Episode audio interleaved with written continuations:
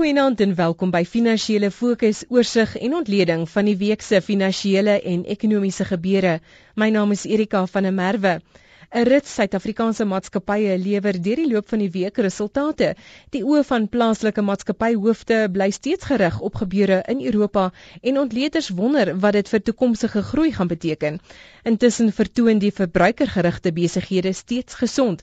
Ek gesels hieroor en oor 'n klomp ander kwessies met Eben Mare, portefeuljebestuurder van Stanlib se Absolute Opbrengsfondse en Omri Thomas, portefeuljebestuurder by Abax Investments. Goeienaand Erika luisteraars. So ewen ons begin by Europa dit steeds baie opwindend bly en uh, die aandag wat getrek is daarso so in die middel van die week deur Duitsland se veiling van 10 jaar staatseffekte wat glad nie 'n sukses was nie. Korrek Erika, die uh, verwagting was om 6 miljard euro se uh, staatseffekte te plaas. Daar was net op die ou ende 4 miljard wat hulle 'n uh, aanbod vir on ontvang het. Die mark het dit baie sleg aanvaar en uh, Duitse skuld het onmiddellik herprys met 20 basispunte. Die effek op die res van Europa was ook erg. Op België byvoorbeeld het die uh rentekoerskurwe opgespring met 40 basispunte. Frankryk dieselfde 15 basispunte op. Interessant het onthou jy kan nou in Griekeland 2 jaar skuld kry teen 116%. Die hele Europese verhaal is besig om baie groter probleem te word. Ek as ek net kan byvoeg daar, dit is net hoe sien die agtergie mark is ewen dit nou verwys dat die skuld met 20 basispunte duurder geword het. Maar dit is die sewende uh, veiling hierdie jaar wat uh, wat nie slaag nie. So en mense het nie gehoor van die vorige 6 nie, maar iewes klik met die mark wat so bekommerd is, is daar 'n groot fokus daarop. Dit nou dit is die grootste mis gewees van die sewe veilinge, maar die vorige 6 het het eintlik nie veel met die koerse gebeur nie, maar dit wys net enige brokkie slegte nuus spring die mark op om en en regeer geweldig daarop op op die oomblik. So die sensitiwiteit dan wat jy na verwys, ewen as ek kan terugkom na jou Die onderhandelinge tussen die hoofde van die Europese lande bly nog steeds redelik onsuksesvol te wees. Die die fokus lyk my is, is maar op die lange termyn, hoe hulle geld kan bespaar oor die lange termyn en ek dink die mark verwag reaksie op die kort termyn, likwiditeitsinspuitings. Korrek Erika, ek dink die mark wil sien dat daar 'n uh, vorm van kwantitatiewe verligting kom en op hierdie stadium is die ECB nie bereid om dit te doen nie. So mense sit met 'n situasie op die oomblik byvoorbeeld is daar baie senuweeagtigheid in die mark vir die Franse regering se afgradering van hulle skuld wat op die oomblik op 'n AAA basis is. En as dit nou gebeur dan het dit weer 'n impak op ook nog op op Europa in terme van skuld wat hulle kan wat hulle kan verkry. So die hele storie is baie kompleks en uh, ek dink dit het baie bewegende dele en ek dink dit is wat almal so senuweeagtig maak. Om met die verdere kommer deur die loop van die week oor die invloed wat al hierdie gebeure in Europa op Asië en China spesifiek kan hê. Ons het 'n aankope besieders indeks syfer gekry vir China wat laer was as verwag en 'n aanduiding van swakker groei daarso. Ja, absoluut Erika, al, alhoewel China baie van hulle groei intern gedryf is, kan hulle nie heeltemal hulle afsluit van die res van die wêreld nie. En as die res van die wêreld uh, groei druk ervaar, gaan dit deurspoel na na China. Hulle is natuurlik in die gelukkige posisie dat hulle basies 3 versnellers het wat hulle nog kan afvuur of of kan gebruik. Hulle het nog monetêre beleid wat hulle kan verslap. Hulle fiskale posisie is is baie gesond en hulle kredietposisie is baie gesond. So China kan baie vinnig beleide in plek stel om om hulle ekonomie verder te stimuleer. En ek dink ons begin bietjie tekens daarvan sien. Maar as hierdie wêreld uh, groei afplatting ehm um, verder uh, versterk of of uh, nog verder druk kom op die groei, dink ek kan ons meer drastiese aksies sien van China af.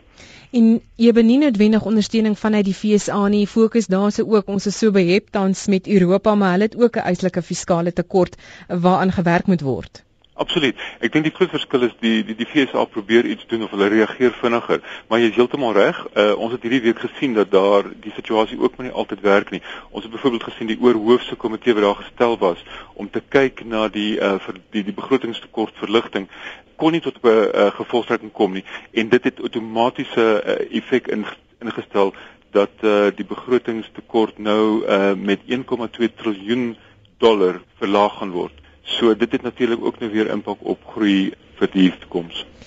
En omre miskien as ons Japan kan gebruik as 'n voorbeeld van hoe dinge vorentoe kan lyk. Japan wat nou al jare lank sukkel om uit 'n deflasionêre situasie uit te kom met anderwoorde pryse wat voortdurend daal, batepryse ook. Hulle het deur die loop van hierdie jaar uit daardie situasie uitgekom met matige positiewe inflasie. Vrydagoggend die nuus dan dat hulle verbruikersinflasie weer 'n negatiewe terrein in beweeg het.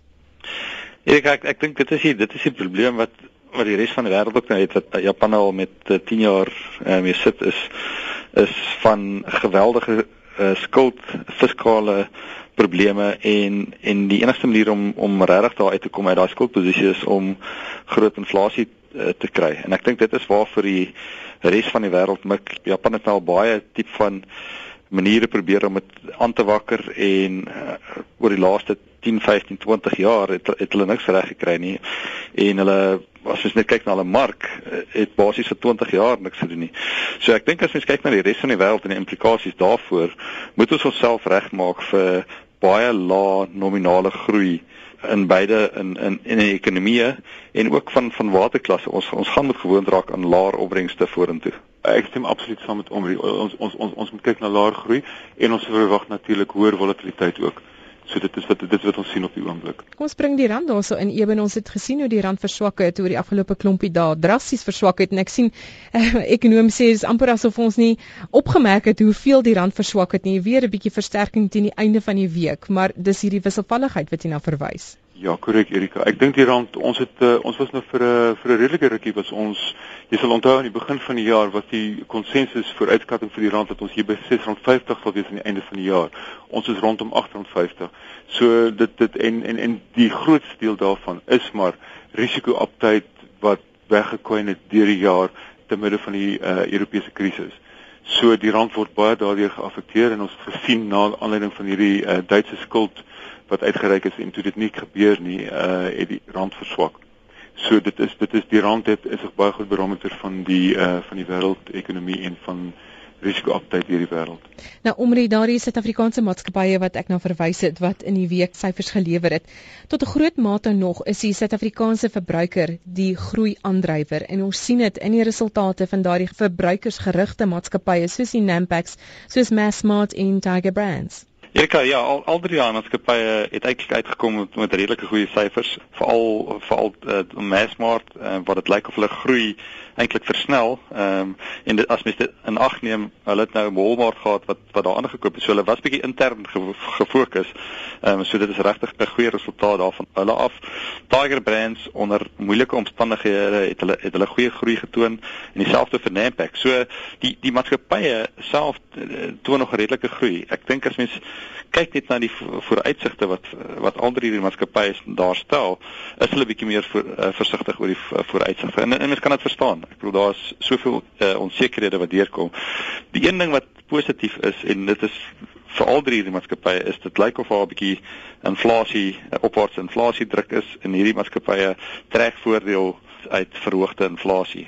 Ek dink die onlangse afverkoop van die rand gaan ook nog verdere inflasie druk plaas en dit veroorsaak dat hulle voorraad wins te maak. Die negatief daarvan natuurlik is as die inflasie te hoog skiet, um, kan ons potensiële rentekoers verhogings sien vorentoe wat wat weer die verbruikers se uh, besteedbare inkomste kan affekteer. Ek dink dit was in die eerste reeltjie van Massmart se aankondiging dat inflasie nou stadig gaan weer opwaarts beweeg in Suid-Afrika. Die verkoopsprysinflasie wat hulle gesien het was 0.8%. So nog matig, maar soos jy sê om die vorentoe is daar die risiko. Ewenes jy intussen kan vra oor die inflasie en die rentekoers vooruitsigte vir Suid-Afrika. Daar's maar argumente, redenasies in albei rigtings, maar ek dink ons beleidsmakers kyk maar nog steeds na Europa. Ja, korrek Erika. Ons het hierdie week gesien die uh, verbruikersprysinflasie het uitgekom op uh, eh, 6%. Die verwagting in die mark was 5.9. So dit is natuurlik negatief en ek dink 'n uh, groot drywer van dit is die is voedselpryse. Die probleem wat mense hierso sit is duidelik. Ons sit met 'n laer groei omgewing. Ons sit met hoër inflasie. Die situasie wat wêreldwyd heers is laer groei. So sentrale regerings gaan rentekoerse probeer laag hou maar nou sit dit mense met hierdie situasie by ons waar hier hoër inflasie ook gaan hê. So dit is 'n tipiese stagflasie omgewing wat nie noodwendig goed is vir waterklasgroei nie. Omrie as ons nou vorentoe, as maatskappye vorentoe nou goeie groei wil sien, lyk dit my dat die die nuwe ontleikende markte soos die Afrika mark natuurlik die oplossing is. En baie van ons verbruikersaandele, maatskappye soos Tiger Brands, soos Massmart beweeg in die kontinent in. Telkom het dit reeds gedoen met heelwat minder sukses, maar ek dink daar was dit verkeerde besluite wat geneem is. Ons het gesien in hulle resultate vroeg in die week, nog steeds sien jy die invloed van daai Afrika besluite maar Eita wat vir geruime tyd nog nie winsgewend gaan wees nie. Ja, ek is, is eintlik so hartseer as ons kyk na die Telkom storie is daar soveel kontant genereer oor die laaste 5 en 10 jaar wat eintlik net weggegooi is. En die, die kommer is dat uit daar na die volgende een gaan wees. As mens kyk na die verdere kapitaalbesteding wat wat daar gaan moet geskied en die gelykbreekpunt om 'n opbrengs op daai kapitaal te kry. Dit is geweldige kapitaal wat nog wat nog gaan vloei. Hulle is besig om markandeel in hulle tradisionele markte verloor. So daai kontant melkkoe raak al hoe kleiner en hulle kapitaalkoste druk raak uh, groter vorentoe met met uit daar. So ek dink dit is 'n redelike groot risiko wat hulle vat om om regtig daai mark te probeer penetreer en en met die suksespotensiaal uh, baie onseker. So ja, dit dit is 'n moeilike een. Dit dit lyk na na waarde aandeel, maar ek ek dink daar kan nog verder waarde vernietig word voor mens uh, groei kan sien uit daai aandeel uit tot 'n mate eben op dieselfde trant. Ons het resultate gesien van Eskom vir die 6 maande tot September, 'n 35% verbetering daarson sy wins na 12.8 miljard rand en dit is nie as gevolg van verkope nie, verkope het maar met 0.9% verbeter, dis die tariefverhogings natuurlik. Dit is korrek Erika. So die die die een probleem wat, wat hulle wel opwys is dat hulle sit met kapasiteitsbeperkings en dat daar 'n uh, moontlikheid is van kragonderbrekings. So ehm uh, ek dink dit is die die een ding wat mense voor moet versigtig wees. Dan terug na Hulpbron tipe maatskappy Sasol Omri wat uh, sê hy verwag dat sy wesensverdienste per aandeel in die eerste helfte met 'n uh, eislike 45% kan verbeter. Dis op die hoër olieprys en die swakker rand. So hier dan 'n voorbeeld van 'n swakker rand wat goed is vir 'n maatskappy. Absoluut, Erik, kan ek ek dink op ons berekeninge is daai vooruitskatting redelik konservatief. Ons dink hulle kan selfs nog hoër as dit groei. En dit wys dit wys net dat die die swakker rand, veral van ons hulpbron aandele en vir party van ons randverskansers, bring eersklik 'n geweldige voordeel. Daai vloei direk na hulle onderste lyn toe, na hulle winslyn toe. En en ons sien dit in Sasol se geval. Ons dink selfs as as mens kyk na die tweede helfte van die jaar, gaan die tweede helfte nog sterker wees wat as mens net kyk na wat hulle vir die voljaar dan gaan verdien, dit op 'n prys-verdienste verhouding van uh, hier tussen 6 en 7 plaas wat uh, redelik goedkoop is gegee die sterkte van hulle balansstaat, hulle hulle dividendopbrengs en dividendbeleid. So dit lyk redelik aantreklik. So omrie vir diegene met bietjie kontant wat rond lê, kan ons nou Sasol koop? Erika, ek dink daai hele sektor, die die hulpbron sektor het geweldig voordeel getrek nou uit die uit die rand wat wat, wat so verswak het. En die aandele het is terselfdertyd afverkoop uh oor die vrese oor Europa en en oor wêreldgroei. Maar die rand het tot 'n groot mate alreeds gekompenseer daarvoor. So ons ons sien redelik waarde in in daai sektor en en Sasol is een van die aandele waarna ons waarde, waarde sien ja. En ewen vanuit jou perspektief, hoe behoort 'n mens nou jou portefeulje te struktureer? Jy het vroeër verwys na Griekse skuld waar mense opbrengs van 116% kan kry. Ja. Erika, ek dink die situasie wat mense hierna moet kyk is dat daar baie risiko in die mark is, maar daar is ook baie risiko wat in die mark ingeprys word. Met ander woorde wat dit op neerkom is dat jou risikopremies wat 'n mens kan verwag in die toekoms in lyk aantreklik. So ek wil daarmee omrie saamstem. Ek dink daar is baie geleenthede in 'n stagflasionêre omgewing in die Suid-Afrikaanse mark. Histories gesproke het 'n mens wat jou uh, finansiële aandele van die beste doen. Mens wil nie tipies oorgewig in aandele sit nie. Jy wil ondergewig in in aandele sit. As rentekoerse opgeskop het uh, as gevolg van inflasionêre druk, wil 'n mens dan 'n uh, groot hoeveelheid van jou portefeulje in in in in effekte insit. So dit is tipies waarna 'n mens wil kyk. In die korttermyn sal 'n mens uit die aard van die saak kyk na na redelike hoeveelheid kontant. Daar is geleenthede wat opduik oral sommer as 'n mens verwys na byvoorbeeld die die die Griekse situasie dan dan besef jy hoe groot die probleem daar is en hoeveel impak die mark reeds inprys dat daardie situasie wel kan ontplof.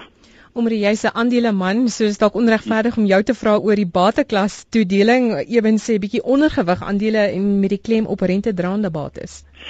Erika wat wat dit net vir 'n bietjie moeilik maak is dat die dat die opbrengskoerse op uh, die bateklasse buiteaandele so laag is.